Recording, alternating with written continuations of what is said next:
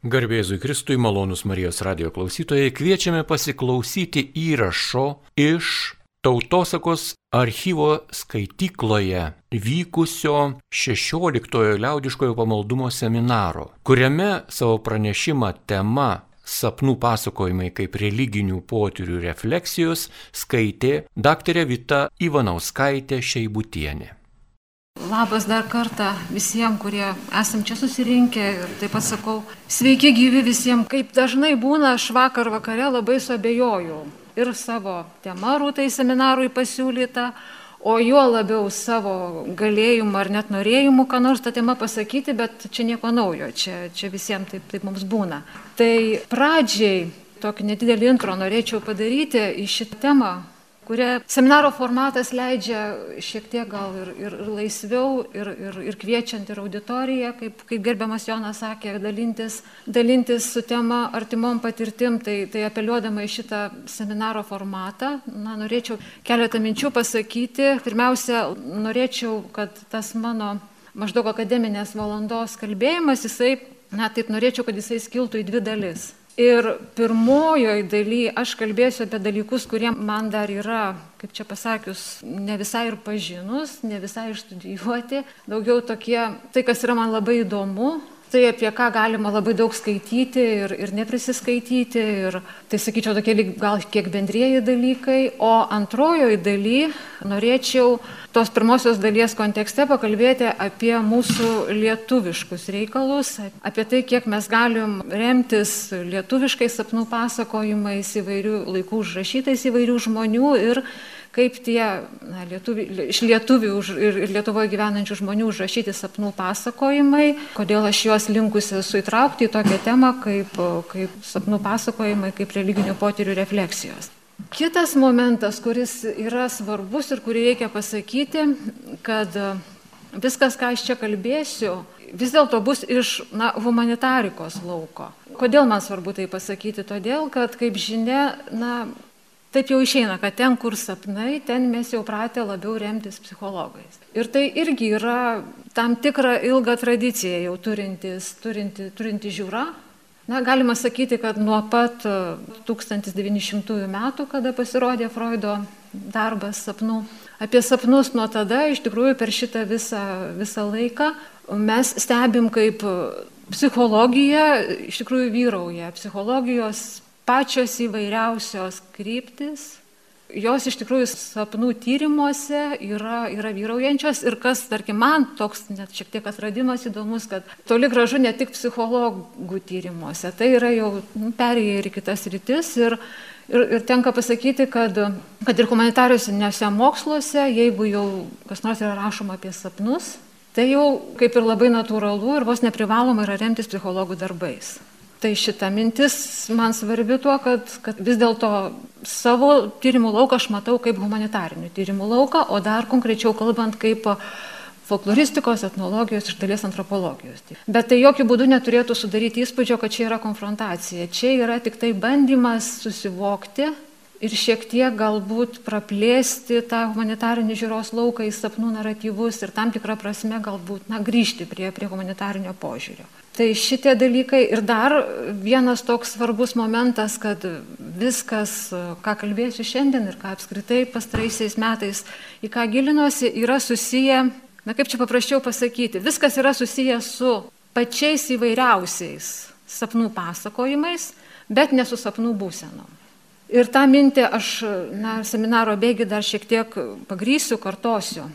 O paskutinis toks dalykas iš tų įvadinių minčių yra apie tai, kad kokia ta manoji mintis buvo siūlant temą, kad būtent sapnų pasakojimai kaip religinių patirčių refleksijos.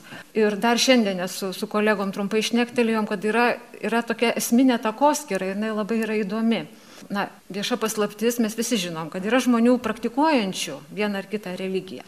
Yra žmonių jos nepraktikuojančių, bet, tarkim, pažįstančių, išmanančių. Šiais laikais yra na, bent jau humanitariniam laukia, netgi iš, iš bendro įsilavinimo mes turim daug žinių apie, apie įvairias religijas, bet nebūtinai mes jas praktikuojam. Tai štai kalbant apie sapnų pasakojimus, tuo aspektu, kuriuo aš, čia kaip ir jau drįščiau šitą sakyti, ta takoskira yra labai jaučiama. Na, vis dėlto turim turėti omeny, kad vieną ar kitą religiją išpažįstantis žmogus vienaip žiūrės į religinio turinio, religinio ar religinių motyvų turinti sapno pasakojimą. Ir visai kitaip žmogus, kuris visiškai nėra susijęs, yra kitos religijos arba apskritai yra na, ne, ne, neišpažįstantis jokios religijos. Tai, tai va tokie yra pasvarstymai, tokie mano, gal kiek užsitęsusiai pradžiai. Ir dabar ta pirmoji dalis, tos pirmosios mano, mano mintis galbūt ir būtų su tuo, kad pasiremdama vienu kitu mano įsiskaitytų daugiau ar mažiau autorium, būtent sapnus kaip religinius fenomenus tyrimėjančias mokslininkas pasiremdama, Na, turiu apibendrintai sakyti, kad e, iš tikrųjų iki, ir iki tų 1900 metų ir dar gerokai anksčiau, kada na, psichologinių prieigų tikrai nebūta, sapnų, sapnų analizai, sapnų naratyvo analizai, sapnų panaudojimui terapijoje, iš tikrųjų sapnų kultūra plačiaja prasme gyvavo stipriai, labai aktyviai. Tai štai, štai čia ir, ir turim jau reikalą su, na, su religiniam tradicijom. Tai yra neišvengiama. Ir dar, kas yra svarbu iš tokio apibendrinančios tokios žiūros, kad iš tikrųjų, jeigu jau sakom, kad kiekviena iš, iš, iš religijų turi savitą santykių su sapnais, tai taip pat turime pripažinti, kad tas santykis, tas sąsaina yra tokia abipusė. Iš tikrųjų, kad religinė tradicija teikia impulsą sapnam, na ir priešingai. Sapnai iš tikrųjų savo ruoštų nuo seniausių laikų yra tapę religiniais naratyvais. Ir be bejonės čia jau tai yra būdinga, būdinga daugeliu religijų. Dabar kas, kas yra svarbu, aš čia toliau šiek tiek vieną kitą pailustravimui pavyzdį turėsiu, tiesiog galbūt daugiau mažiau žinoma jums tų vadinamų didžiųjų sapnų, bet kas yra galbūt iš tokio na, bendro, tai kad iš tikrųjų sapnai visada buvo, sapnų naratyvai visada buvo vienos ar kitos religijos uh, na, kaip čia pasakius, šventųjų raštų dalis. Tai irgi yra visiems kaip ir žinomas dalykas. Vienaip, vienaip islame, kitaip krikščionybė, kitaip judaizme, bet sapnai visada vienaip ar kitaip tampa, tampa na, kanono dalim svarbia. Taip pat dažnai religijų atveju yra labai svarbu, kada, kada žmogų byloja Dievas. Dabar kitas dalykas, kuo tampa šitie vadinkim didieji sapnai religijų istorija. Čia tektų kalbėti neišvengiamai apie, na, tam tikrą jau ir, na, politikos, ideologijos politikos metmenį. Kad tapę, žodžiu, šventųjų raštų dalimi, sapnai neišvengiamai patiria interpretacijas, jie patiria kaitą, sapnų pasakojimai. Ir jie gali tapti, na kaip čia pasakius, jie gali būti vienaip ar kitaip patraukime į vieną ar į kitą pusę. Šneku kol kas apibendrintai, vėlgi, kad priartėčiau prie, prie to padetalizavimo. Dar vienas momentas, kurį, kurį norėčiau minėti, tai yra tai, kad kai kalbam apie sapnų pasakojimus vienos ar kitos išpažįstamos religijos kontekste, mes neišvengiamai ir būtinai kalbam apie sapnus kaip bendruomeninį fenomeną. Ir čia jau yra tai, kas mane, kas mane tarkim, domina jau kaip ir folkloristė, nes vėlgi grįžtant prie šiek tiek į psichologijos lauką, mes, mes žinom, kad didžiaja dalim, ypač moderniaisiais laikais, žmogus su savo sapnais lieka vienas, jisai sapnus laiko savo asmeniniu reikalu ir tarkim, jeigu jisai sprendžia įvairias savo gyvenimo problemas, tai sapnų naratyvai jam tarnauja, na, kaip dalis terapijos, tarkim, lankantis pas psichoterapeutą. Ir gali būti, kad aiškindamasi savo sapnus su specialistu, jisai nueis irgi kažkokias apibendrinimus, giminės istorijos dalykus ir jeigu tai yra skau, religinio pobūdžio sapnas, galbūt ir ir, ir į savo išpažįstamos religijos kažkokiu akcentų ryškinimą arba atradimą, bet vis dėlto tai jau tampa tarsi jo individualus dalykas. Kai mes kalbam apie sapną būtent kaip, kaip e, tą pačią religiją išpažįstančių žmonių bendruomenės naratyvą, tai, tai va ir yra iš tikrųjų ta bendruomeninė jo sklaida. Ir, ir, ir, ir ta, sapnas, turintis religinių motyvų, sapnas galima pasakyti, įtvirtinantis, pagrindžiantis vienos ar kitos konfesijos žodžiu, esminius dalykus, jisai tampa svarbiu komunikaciniu dalyku tos bendruomenės gyvenime. Ir, ir jeigu leisčiau savo šiek tiek kalbėti apie, apie konkretesnius dalykus. Aš nežinau, kodėl, nu, ne, ne tai, kad kodėl, bet nuskamba kartais, sakytum, tie didėjai sapnai, kurių turi kiekviena, kiekviena religija, Ir pradžioj sakydama, kad tai yra dalykai, kuriuos aš ir pati tik atrandu ir nesu tikrai iki galo jokių būdų įsigilinusi, daugiau tik tai iš tokių bendrųjų įsiskaitimų, bet, bet ir, ir, ir iš to jau galiu, galiu patirti ir, ir, ir, ir visi čia esantis, besidomintis galėtumėt papildyti, kad iš tikrųjų kiekvienoje kiekvienoj didžiojoje religijoje yra savi sapnai.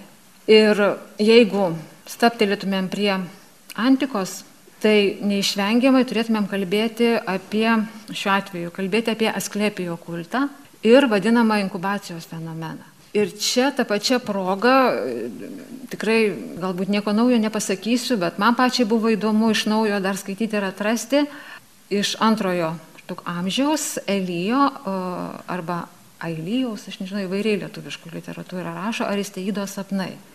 Oratorius, buvęs labai, labai, labai žymus kalbų sakytojas, palikęs labai daug savo, savo tų iškilmingųjų kalbų ir savo raštų, jisai pateikė be kita ko ir savo uh, sapnus susijusius su Asklepijo, žodžiu, gydomąją na kaip čia pasakyti, gaidmąją galę. Ir per jo, per jo tekstus, per jo visą šimtmečiais, žodžiu, vienaip ar kitaip analizuotą medžiagą šitą jo, mes galim susipažinti su, su inkubacijos fenomenu, kuris turėjo po to be galo daug įvairiausių įvairiausių atgarsių visoje visoj pasaulio kultūros istorijoje. Tai čia konkrečiai tu kalba apie Pergamo šventyklą ir, ir žodžiu, kur, kur minio žmonių rinkdamosi sapnuoti būtent šventyklo rinktis, tikėdamas išvysti pranašingą sapną, kuriuo metu Asklepijas jiems, jos gydys jiems suteiks, suteiks pagalbą. Ir nors vėlyvosios antikos tyrinėtojų darbuose Aristeidas yra įvardinamas kaip be ne pats žymiausias pasaulio istorijoje hipochondrikas, E, vis dėlto, kaip, na, kaip, kaip, kaip jo fenomenas yra be galo įdomus. Jisai atrodo, kad sirgo visom įmanomom lygom. Ir ta jo sapnų, sapnų istorija pateikiama rodo, kaip jisai be galo jautėsi priartėjęs prie Asklepijo, patyręs absoliučiai jo, jo pagalbą, patyrė jau, na, kaip, kaip, kaip tyrimuose teigiama, vos ne vienu metu pats susitapatinęs su, su šituo dievu. Tai, tai čia šiuo atveju turim turim inkubacijos fenomeną ir kartu, kas dar būtų aktualu šitam, šitam mūsų seminaro kontekste, Aristeido, žodžiu, sapnų, sapnų istorijų, sapnų naratyvų, visa šita grandinė galėtų būti laikoma tam tikrų net įdomių žanrų, kurį galėtume vadinti oneirinė autobiografija. Tai apie šitą dalyką yra irgi nemažai, ypač, ypač antikos ir viduramžių tyrinėtojų rašyta. Konkrečiai galima ir Žako Legofo rasti, rasti jo sapnų tyrimę vienam apie sapnų, sapnai ir krikščionybę jo darbe.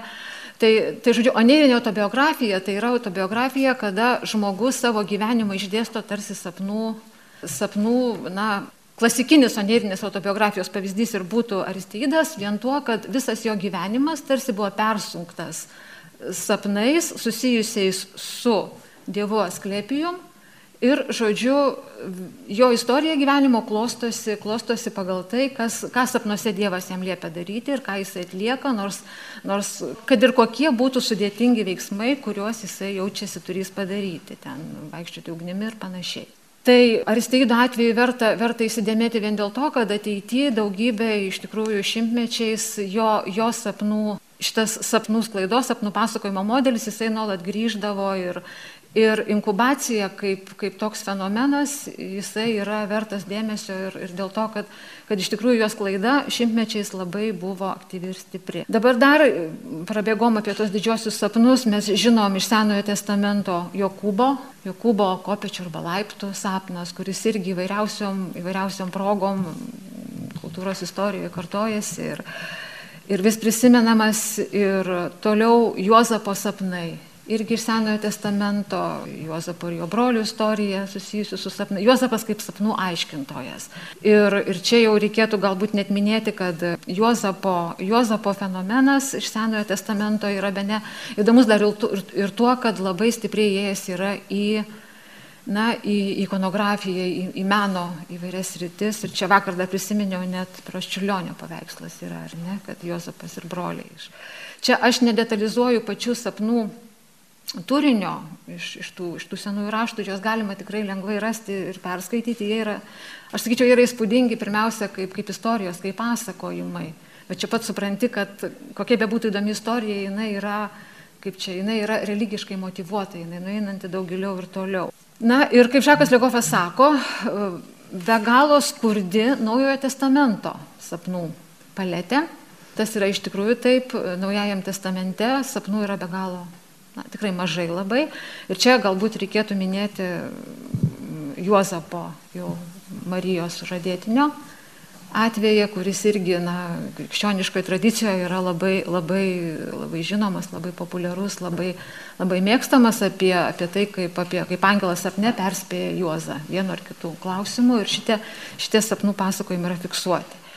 Dar, dar minėčiau tokiam bendram kontekstui žinoma imperatoriaus Konstantino žodžiu, atvejį, apie maždaug ketvirto amžiaus pirmoji pusė, kada, kaip žinia, e, Konstantinas, turėdamas žymiai mažesnę kariuomenę, įveikė, na kaip čia, kova tarp dviejų pagonių vadų, tarp Konstantino ir Maksencijaus, irgi žiūrėjau, kad, kad tiksliai ištarčiau, ir turint omeny tą, tą pačią situaciją pirmųjų, pirmųjų amžių, kada kada krikščionybė dar toli gražu nebuvo nei, nei stipri, nei, nei kaip, nors, kaip, nors, kaip nors plačiau, plačiau žinoma.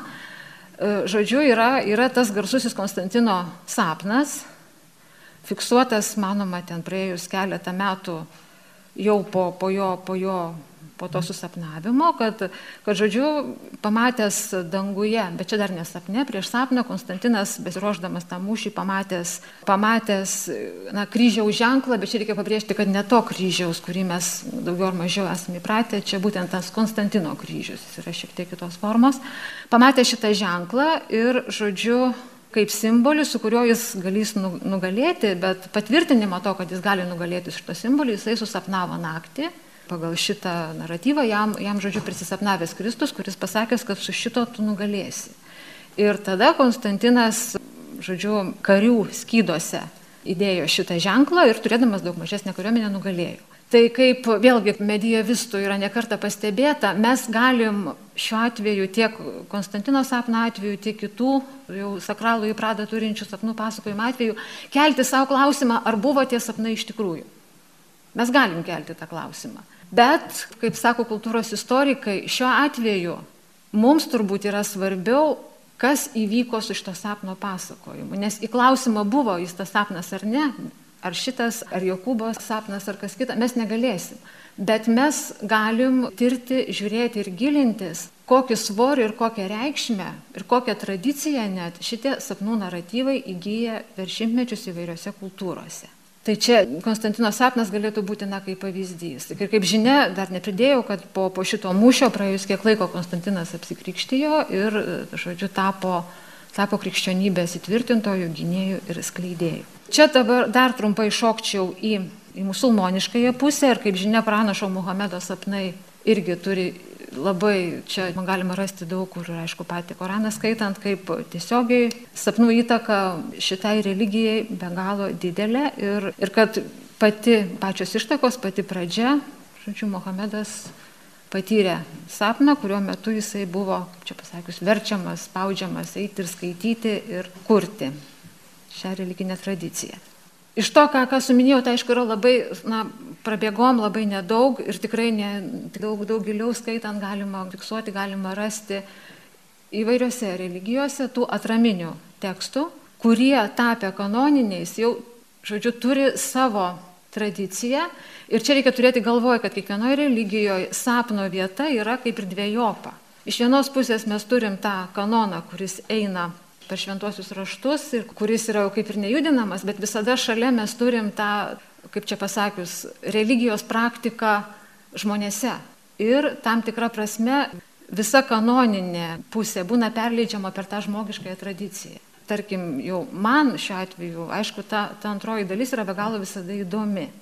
Ir kalbėdama dar kiek anksčiau apie tai, kad, kad sapnai, tie didieji sapnai gali tapti ir tam tikrą prasme politinių kažkokiu vos neįkaitų, jie gali, ta, jie gali kisti istorijos tiekmė, gali kisti įvairios interpretacijos vienu metu į vieną pusę patraukiamos į kitą.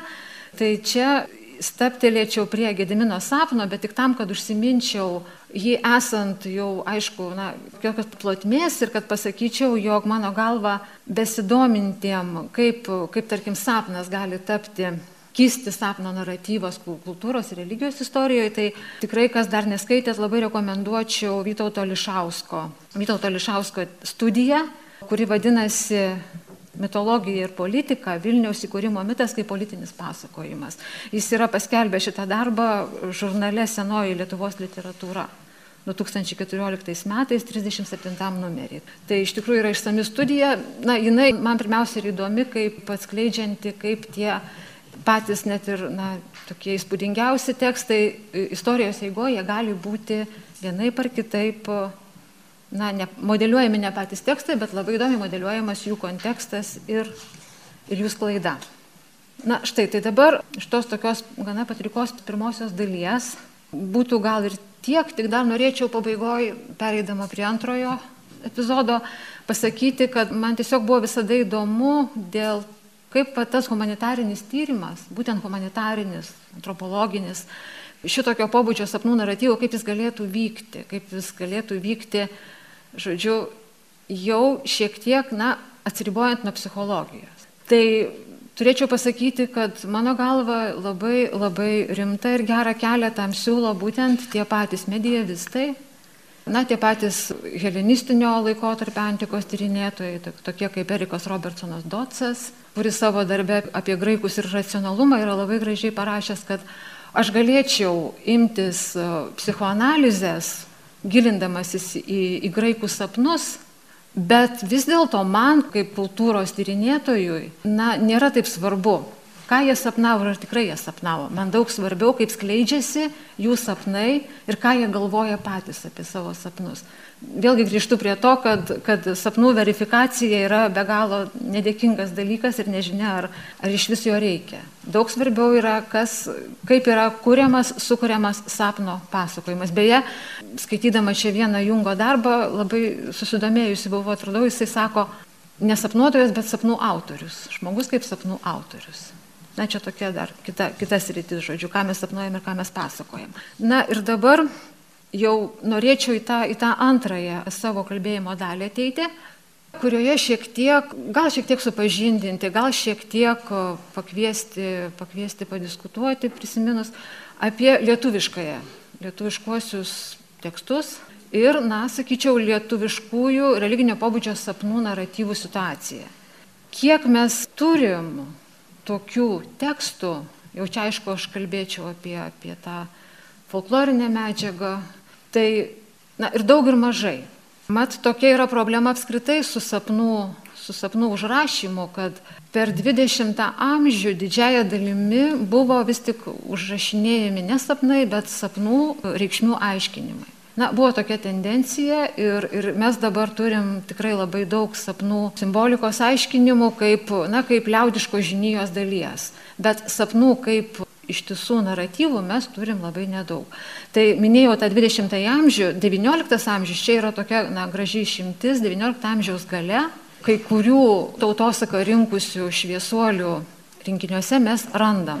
Mokslo draugijoje siunčiamoje medžiagoje iš, iš įvairių Lietuvos vietų mes randam sapnų pasakojimus, na, kaip tokius, nuo pradžios iki galo, bet kiek tarp jų yra e, tarp religinio turinio arba ten religinių motyvų turinčių, tai vėlgi labai nedaug. Na, reikia pasakyti, kad, tarkim, 20 amžiaus pabaigoje, jau 21 amžiuje įsibėgėjant, čia mano kolegos galėtų tą patvirtinti, kad lauko tyrimų metu jau buvo, kai, kai buvo pradėta fiksuoti ne vien tik tai folkloro vienetai, kūriniai kaip vienetai, bet atsigręžta į žmogaus istoriją gyvenimo ir užrašinėjama viskas, ką žmogus gali pasakoti apie save, apie savo, apie savo šeimą, gyvenamą vietą, apie savo vaikystę, ir per folklorinį, ir daug platesnę prizmę. Kai visa tai buvo pradėta fiksuoti, natūraliai į šitą visą, į šitą visą paveikslą įsikomponavo ir sapnų pasakojimai.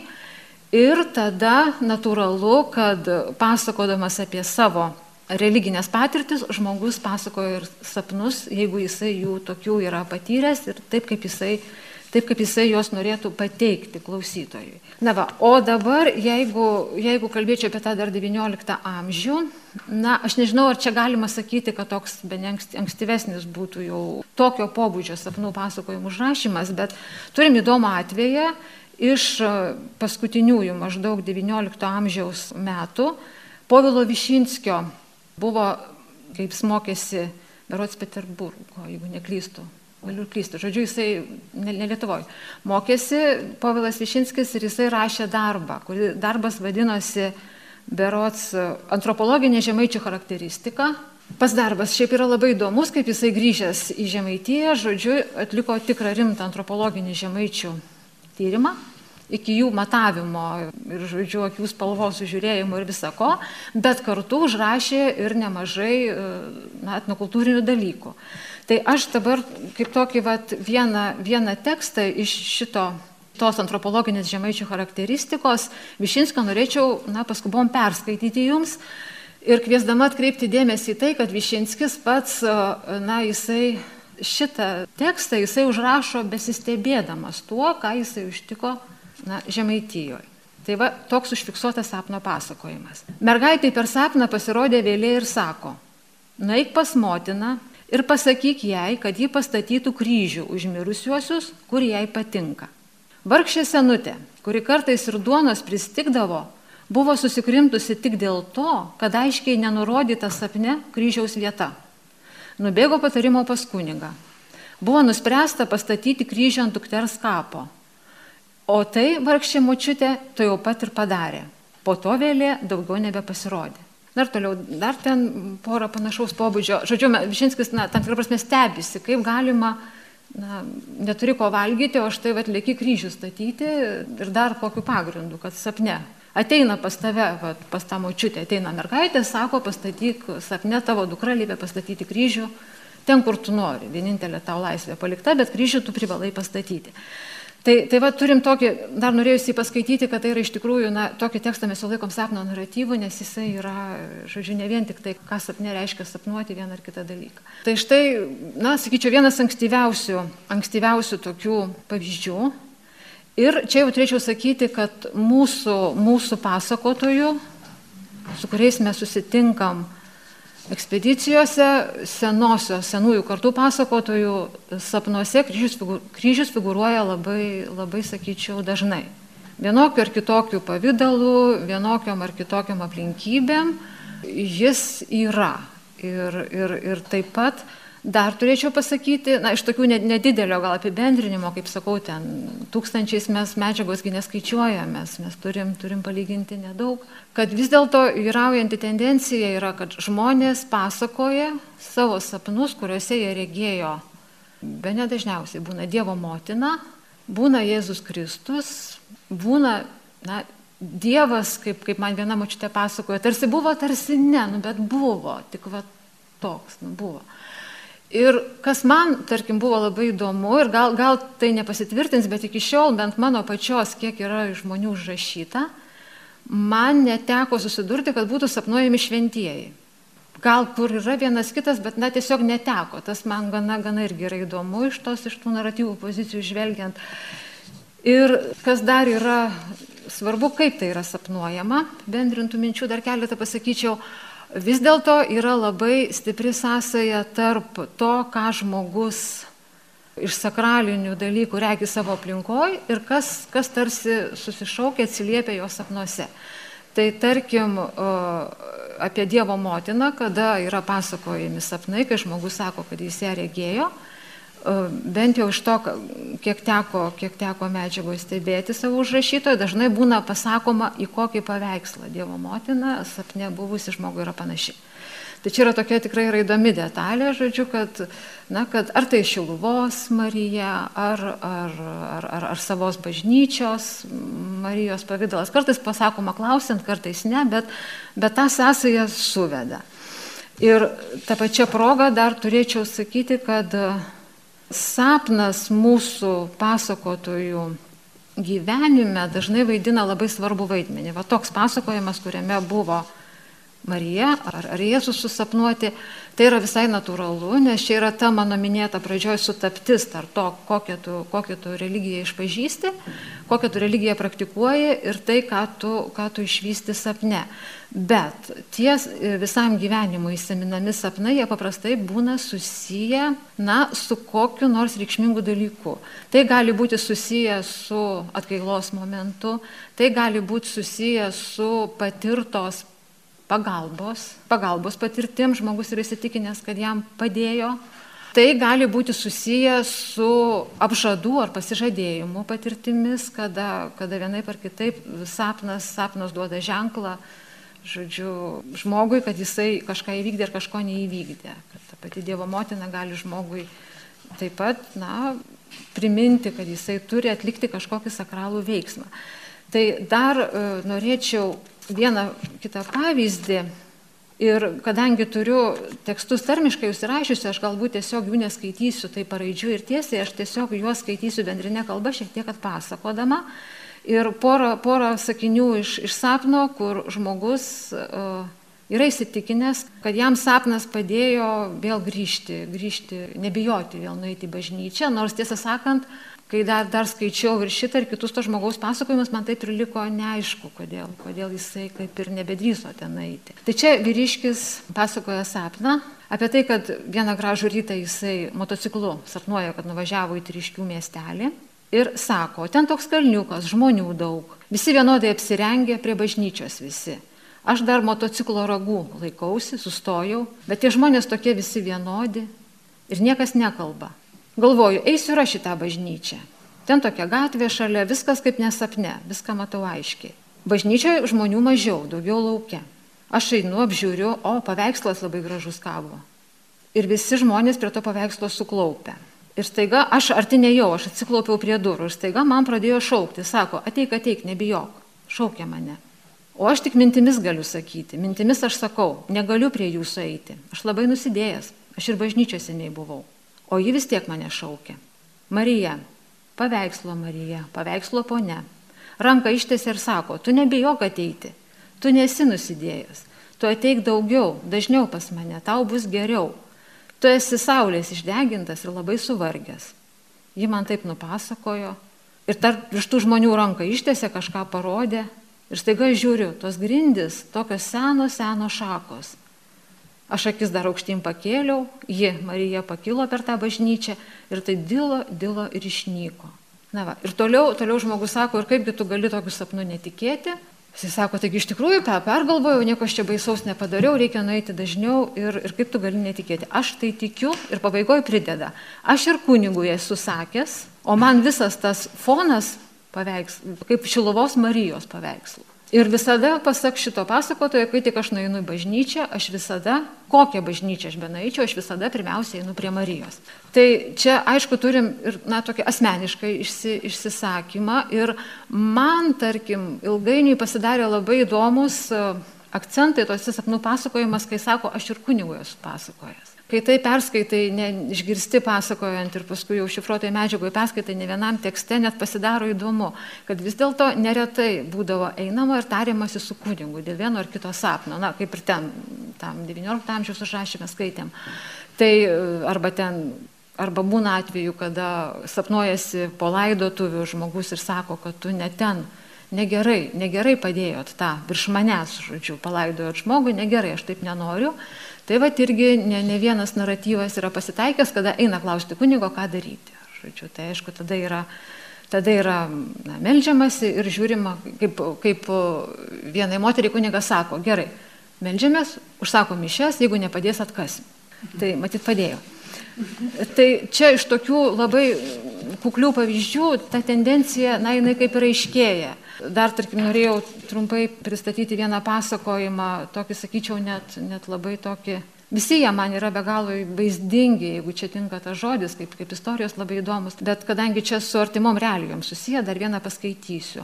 Čia žmogus, Ignalinos rajone užrašyta. Žmogus man sako, nudievulis tai mane labai myli. Na, aš jo klausiu, o kaip jūs tą jaučiat? Hm, jaučiu, aš su juo draugavau du kartus, sapne. Oi, kaip drūtai sapnavau. Norėčiau dar trečias iki, kad ateitų, bet kažin ar beduos. Aš jo klausiu, tai koks tas sapnas buvo? Tai vad susapnavau Vilniui, kad buvau Petro Povilo bažnyčioje. Niekada aš ten nebuvau buvęs. Vilniui buvau daug kartų ir senamestį buvau, bet toj bažnyčioje tai nebuvau buvęs. Sapnuoju. Povilo bažnyčia, va taip vastovi ir Jėzus laiko mišes. Aš tai vietoj šypteliu, jisai sako, nesijuok, aš tau čia teisybę sakau. Ir iš dušio sakau, klausyk toliau. O bažnyčia, kad graži. Ir Jėzus laiko mišes. Ir aš galvoju, eisiu pas viešpatį pakalbėti, pakalbėti, koks bus mano gyvenimas. Aukščiausio viešpaties, bet eisiu ir paklausiu. Einu aš prie jo, o jis moterų pusėje stovi. Sakau, viešpatė, tai kaipgi man dabar gyventi? Jėzus man pasakė, jūsų gyvenimas bus vargingas. Aš tik nusilenkiau jam gražiausiai ir nuėjau. O paskui dar pridurė, o kai nuvažiavau jau į atlaidus su kaimynais į Vilnių, į tą bažnyčią, kaip, kaip tik tokia pat bažnyčia. Nagi sakau, viešpatė sapnas, o bažnyčia tai tokia pat. Na, čia toks sunku perteikti, skaitant, kokia tai yra emocija įrašė, čia aišku reikėtų gal, gal tiesiog net ir, net ir visiems pasiklausyti to įrašo, nes čia negalėtų atkurti, tai yra vis tik, na, neįlinio, neįlinio, neįlinės istorijos pasakojimas.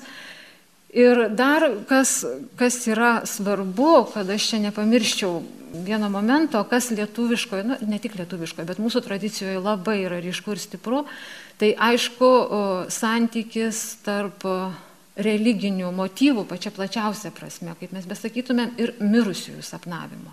Tai va šita, šitas rytis yra, žinoma, atskirai verta dėmesio, jinai yra be galo stipri, Ir ji man, tarkim, yra įdomi jau ta tokia gilesnių patirinėjimų prasme. Nes akivaizdu, kad, tarkim, tam katalikiškajam, tam mūsų, mūsų senųjų pateikėjų gyvenimo kontekste yra jų sapnų pasakojimuose na, labai gražiai yra susipinę vis dėlto jau na, tokie ir arhaiški, ir vėlyvesni dalykai. Ir tarkim, vyraujančios tos sapnų apie pasakojimo apie susapnuotus mirusius linijos yra apie tai, kad mirusieji sapne kažko prašo, išreiškia pageidavimą ir gyvieji, na, tradicija įpareigoja, bendruomeninis gyvenimas to reikalauja, tikėjimas šiuo atveju liepia, tu turi pildyti. Tu turi mirusėjam atiduoti, kas jam priklauso arba ko jis prašo. Tai, na, be išimčių visada visi pasakojimai byloja apie tai, kad reikia melstis, reikia lankyti kapą, reikia užsakyti mišes. Na, variacijų čia gali būti labai daug ir įvairių. Vienokia, va, lietuviškoje tradicijoje, visai kitokias mes rasim slaviškoje tradicijoje. Na, žodžiu, Bet šitas dalykas yra ryškus ir nuolatinis. Reiškia, kaip čia pasakius, mirusiai ir gyvėjai sudaro kaip ir vieną bendruomenę ir tam, kad, kad mirusiai jam būtų gerai ir jis sapne tavęs nebelankytų, tu turi už jį melstis, tu turi jį tam tikrą prasme globoti, kad jis taptų, sulaukęs tos jau dvasinės ramybės anapus, kad jis taptų na, tavo, tavo pagalbininku ir tavo užtarėjų. Tai va šita, šita sritis, šita, šita tema, jeigu taip galima sakyti, jinai yra labai, labai įvairialypė, labai įdomi.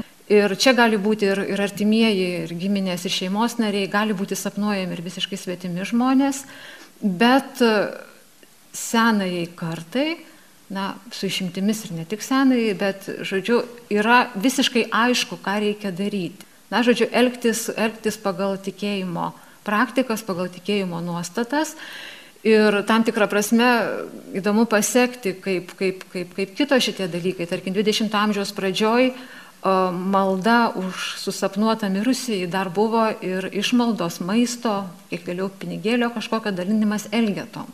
Ir mes čia galime atrasti tų atgarsių iš, iš arhaiškųjų tradicijų, na, mirusiųjų protėvių pamaitinimas, jų globojimas, jų nuraminimas. Na, ilgainiui tai bet lietuviškoje, katalikiškoje tradicijoje, aišku, virto malda, malda ir dar kartą malda. Kokia maldos forma, žemaitijoje tai žinoma be galo stipri na, gėdojimo, kalnų gėdojimo tradicija užmirusius, kuri dabar jau na, modifikuojasi, blėsta, bet, bet tada, tada tai buvo na, dar 20 amžiaus pirmoji pusė, būtent užmirusiuosius periodiškai turi būti gėdami kalnai ir, ir čia jau turėčiau apibendrintai sakyti, kad pasakojimų, sapnų pasakojimų yra nemažai, kad jeigu vėluoji kalnus atgydinti, kaip sakoma, tu žiūrėk ir susapnuoji savo, ką nors išmirusių artimųjų ir jisai paprašo baliaus, sako, nu balių pernai darėjai, tai jau ir šįmet reikia. Tai man šita sąsaja yra labai įdomi to, to, na, to pamaitinimo mirusiojo, bet jau iš tų pozicijų, kokiam, kokiai konfesijai, kokiam tikėjimui tu esi dabar. Ir čia galima būtų dar minėti slavų tradiciją. Jų atveju tas pamaitinimas tiesioginė prasme yra, galima sakyti, kad iš, išlikęs iki šiol, kada susapnavus sapne kažko prašantis mirusysis yra maitinamas, kepant bandeles, nešant, nu, vos ne praeiviam gatviai, duodant tą bandelę, sakant mirusio vardą ir prašant už jį pasimelsti. Tai čia yra tikrai dėmesio verta įdomi, įdomi jungtis. Ir, ir čia praktiškai jie aš galėčiau ir pabaigti, sakydama, prašydama jūsų patikėti, kad tų naratyvų vis dėlto įvairių yra ir daugiau, aš čia jų jau nebe perskaičiau. O pabaigai buvo tokia dar kilusi, na, tarsi apgaubent tą, tą visą mano kalbėjimą, kaip ir pradžioj sakiau, kad vis dėlto yra toks net senų žmonių, na, čia net posakių neišeina vadinti, sako, na, tarkim, mama supykusi ant dukros, kuri neina į bažnyčią ir sako, nebeturi tikėjimo. Vat aš tai turiu, o tu jau nebeturi. Tai man tas tikėjimo turėjimo, neturėjimo momentas, jisai šiuo atveju yra įdomus, kad kai tu turi tikėjimą, tikėtina, kad tu sapne išvykęs, na, ne tik, kad ar, ar Dievo motina, ar, ar na, žodžiu, pagal, pagal tavo tėvų religiją, kokį nors svarbu, svarbu asmenį, bet net ir išvykęs mirusi žmogų, Tai va, jeigu tu na, turi tą tikėjimą, tai tu ko gero ir, ir elgsiesi pagal jį, tu suskupsi atsiliepti. Na, o jeigu tu šito neturi, tai gali būti, kad susapnavęs mirusi žmogų, na, tu pagalvosi, kad keičiasi oras. Toks būtų apibendrinimas. Dėkoju. Malonus Marijos radio klausytojai, jūs girdėjote įrašą iš tautosakos archyvo skaitykloje vykusio 15-ojo liaudiškojo pamaldumo seminaro. Pranešimą, tema sapnų, pasakojimai kaip religinių potyrių refleksijos jums skaitė daktarė Vita Ivanauskaitė Šeibutienė. Likite su Marijos radiju.